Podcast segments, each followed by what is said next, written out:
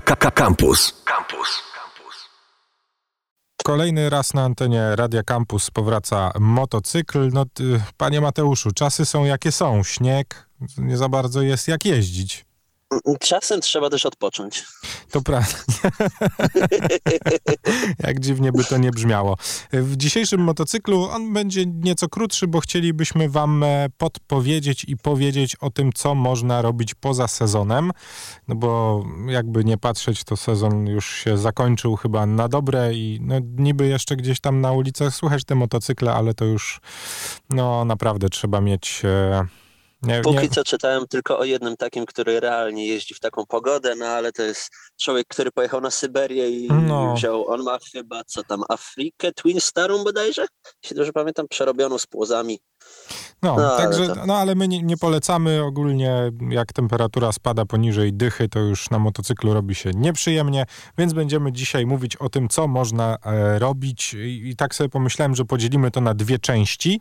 E, zaczynając od tego, e, no właśnie, czy można robić rzeczy związane z motocyklami pod dachem? A no można, mamy chociażby przecież pitbajki. No Czyli właśnie. takie ala go-karty, tylko na motocyklach. No, takie małe motorki, no. No, no, no, no, dokładnie. No, i, i jeździ się tym na hali takiej jak do go-kartów. Tak, ba... Ale nadal w całym sprzęcie, bo to, no, słyszałem, że zabawa przednia. Nie jeździłem, co prawda, ale słyszałem, że świetna zabawa. Bardzo, bardzo bliźniacze to jest do go-kartów. Chyba trochę mniej miejsca potrzeba. Jest kilka miejsc w Warszawie, w których można spróbować i są też w ogóle szkolenia takie, mm, jak ostatnio spoglądałem i gdzieś mi mignęło w internecie. Jest w ogóle taka szkółka motocyklowa doskonalenia techniki jazdy poza sezonem na, na pitbajkach? Są jak najbardziej. Nawet przy okazji, e, dowiedziałem się przy okazji, tego przy okazji szukania prezentu dla brata, który również jest motocyklistą. No właśnie. Więc... I, I, on miał okazję jeździć. I to jest fajna, fajna opcja do tego, żeby sprawdzić, e, no, no, właśnie, swoje umiejętności na takim mniejszym motocyklu i dowiedzieć się od tych ludzi, którzy robią to na co dzień, jak, e, no właśnie, w, w czym nam może to pomóc, bo no, poza tym to dobra zabawa. Wspomniałeś też o go-kartach i ja go-karty też będę polecał. Niby tak, ale go-karty są mało motocyklowe. No, z jednej strony są mało motocyklowe, ale z drugiej strony po kilku wizytach e, na torze go-kartowym też mam wrażenie, że zmienia się twoje postrzeganie jazdy. W sensie, jak zaczynasz kumać, jaką linią jeździć na go-kartach, żeby było jak najszybciej, to potem można sobie wysnuć jakąś taką delikatną paralelę do tego, jak się jeździ po ulicy i jak na tym motocyklu szukać najlepszej ścieżki do przejechania danego zakrętu, który się już zna, bo to trzeba zaznaczyć.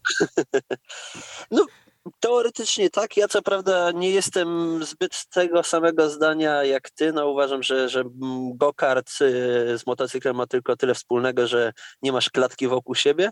E, ale no, jeśli, jeśli uważasz, że można się nauczyć zakrętu jeżdżąc na czterech kółkach tak samo jak na dwóch, e, no to, to jasne, czemu nie? Bardziej chodzi mi o tor jazdy niż o samo pokonywanie zakrętów, bo to jest, wiesz, no, taka mała dygresyjka co do go-kartów. Trzecią rzeczą, którą można próbować robić, są gry motocyklowe, mój drogi jeszcze. A no są, ale masz na myśli, że idziesz do salonu gier, motocykl, gier komputerowych i tam na taki motocykl siadasz, Nie. rzucasz złotówkę?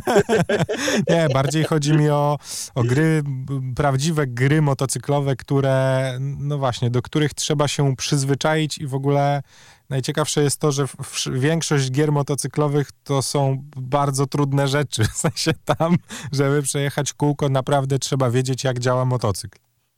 No tutaj się sprzeczać z tym nie będę. To, to ty jesteś specjalistą od gier. No, no, specjalista to za duże słowo. Cały czas e, w dzisiejszym motocyklu mówimy o tym, co robić poza sezonem i tak jak wspomniałem e, po tym naszym pierwszym wejściu, będziemy się trochę mądrzyć i mówić o tym, co warto by było zrobić ze swoim ciałem w tym, no właśnie, pre-season to się ładnie nazywa w sportach. Znaczy, ja jeszcze bym, zanim przejdziemy do samej części fizycznej, na pewno chciałbym przy okazji e, części mentalnej, tak no, to nazwijmy umysłowej bardziej, wspomnieć na pewno o tym, że w czasie zimowym mamy wszystkie prezentacje nowych maszyn. No i przy tym to też można usiąść i jest co robić, o jest bardzo dużo. No bo tak. możemy się dowiedzieć wszystko na, na temat nowy, nowinek, które wejdą dopiero na rynek. No tak, ale o nowinkach e, zapewne będziemy robić e, zupełnie osobny program i będziemy wam opowiadać o najciekawszych, naszym zdaniem oczywiście, premierach na nadchodzący sezon. E, no ja jeszcze muszę powtórzyć to, co powtarzałem przy odcinku tym takim wprowadzającym do motocyklizmu, czyli o tym, żeby, żeby cały czas próbować się edukować i doszkalać, dużo czytać, dużo oglądać no, i, i szukać informacji na temat tego, no właśnie, samej chociażby techniki jazdy, bo, no bo zawsze jest coś do poprawy. No tak, to idealny czas na ciemne, zimne wieczory. Kocyk, książeczka, odrabianie lekcji. Jeszcze papucie i kocik, ko, kot na nogach. No dokładnie. Wszystko się wtedy będzie zgadzać. Można myśleć o tym, co będziemy robić w kwietniu. Jeżeli y, mamy przejść do tej strefy, nazwijmy to fizyczno-aktywnościowej, to powinniśmy powiedzieć o tym, co właśnie, co dobrze byłoby wzmacniać i co może pomóc nam jako motocyklistom w nadchodzącym sezonie. Ja bym powiedział, że ogólnorozwojówka. Nie skupiałbym się na niczym konkretnym. No tak. Tylko i wyłącznie ćwiczenia ogólnorozwojowe. To jest też dosyć ciekawe w, w motocyklach, że no właśnie, nawet jak spojrzysz na zawodników MotoGP, to nie ma tam gości, którzy mają gigantyczne bicepsy, albo gigantyczne udo, albo są niesamowicie wyrzeźbieni i gigantycznie zbudowani. No ze względu na to, że przekładanie tego motocy motocykla z prawo na lewo, z lewo na prawo, w każdy po kolei zakręt, dociskanie tego zakrętu, no tak jak oni to robią, to to jest cardio. To jest, no po właśnie. Prostu. Musimy też e, wspomnieć o mm, tym, o czym mówiliśmy, no właśnie, cały czas będziemy wracać do tego odcinka, e, nazwijmy to, w którym się mądrzyliśmy o tym, co dobrze by było zrobić przed zrobieniem prawa jazdy. Z jednej strony motocykle są dla wszystkich i każdy może może je prowadzić i mogłoby się wydawać, że nie jest to męczący sport, a jednak z drugiej strony dwugodzinna przejażdżka, która wymaga od ciebie, no właśnie, cały czas reagowania, kręcenia, balansowania ciałem i maksymalnego skupienia tego umysłowego, no każdy z nas wie, że taka dwugodzinna przejażdżka jednak no jest męcząca. I tak i nie. Mm, bo jeśli weźmiesz pod uwagę chociażby takiego Harley'a, jak jeździliśmy w tym roku, czy takiego Triumfa, jak jeździliśmy w tym roku, to na spokojnie możesz swój brzuch oprzeć o zbiornik paliwa i oprzeć go nie dlatego, że się pochyliłeś, tylko dlatego, że się wylał z zapaska i nie będzie to męczące w żaden sposób. Ale jeśli chcesz pojeździć troszeczkę agresywniej, troszeczkę po, konkretniej, po torze, no oczywiście nie mówimy o MotoGP, e, a tym bardziej nie mówimy o robieniu MotoGP na, na ulicach zwykłych miejskich, e, no bo to po prostu by było niebezpieczne i nierozsądne, e, ale no wtedy rzeczywiście jest ci przydatna jakaś tam ta sprawność fizyczna, czy tym bardziej jeśli jeździsz nakedem i postanawiasz jechać w trasę. No właśnie, więc to, to są rzeczy, o których warto myśleć. No i nie powiemy wam, żebyście poszli na siłownię i ćwiczyli biceps i triceps. Będziemy polecać po prostu jakąkolwiek formę aktywności ruchowej, yy, dzięki której no, będziecie po prostu trzymali swoje ciało w, nazwijmy to, jakichś ryzach. No.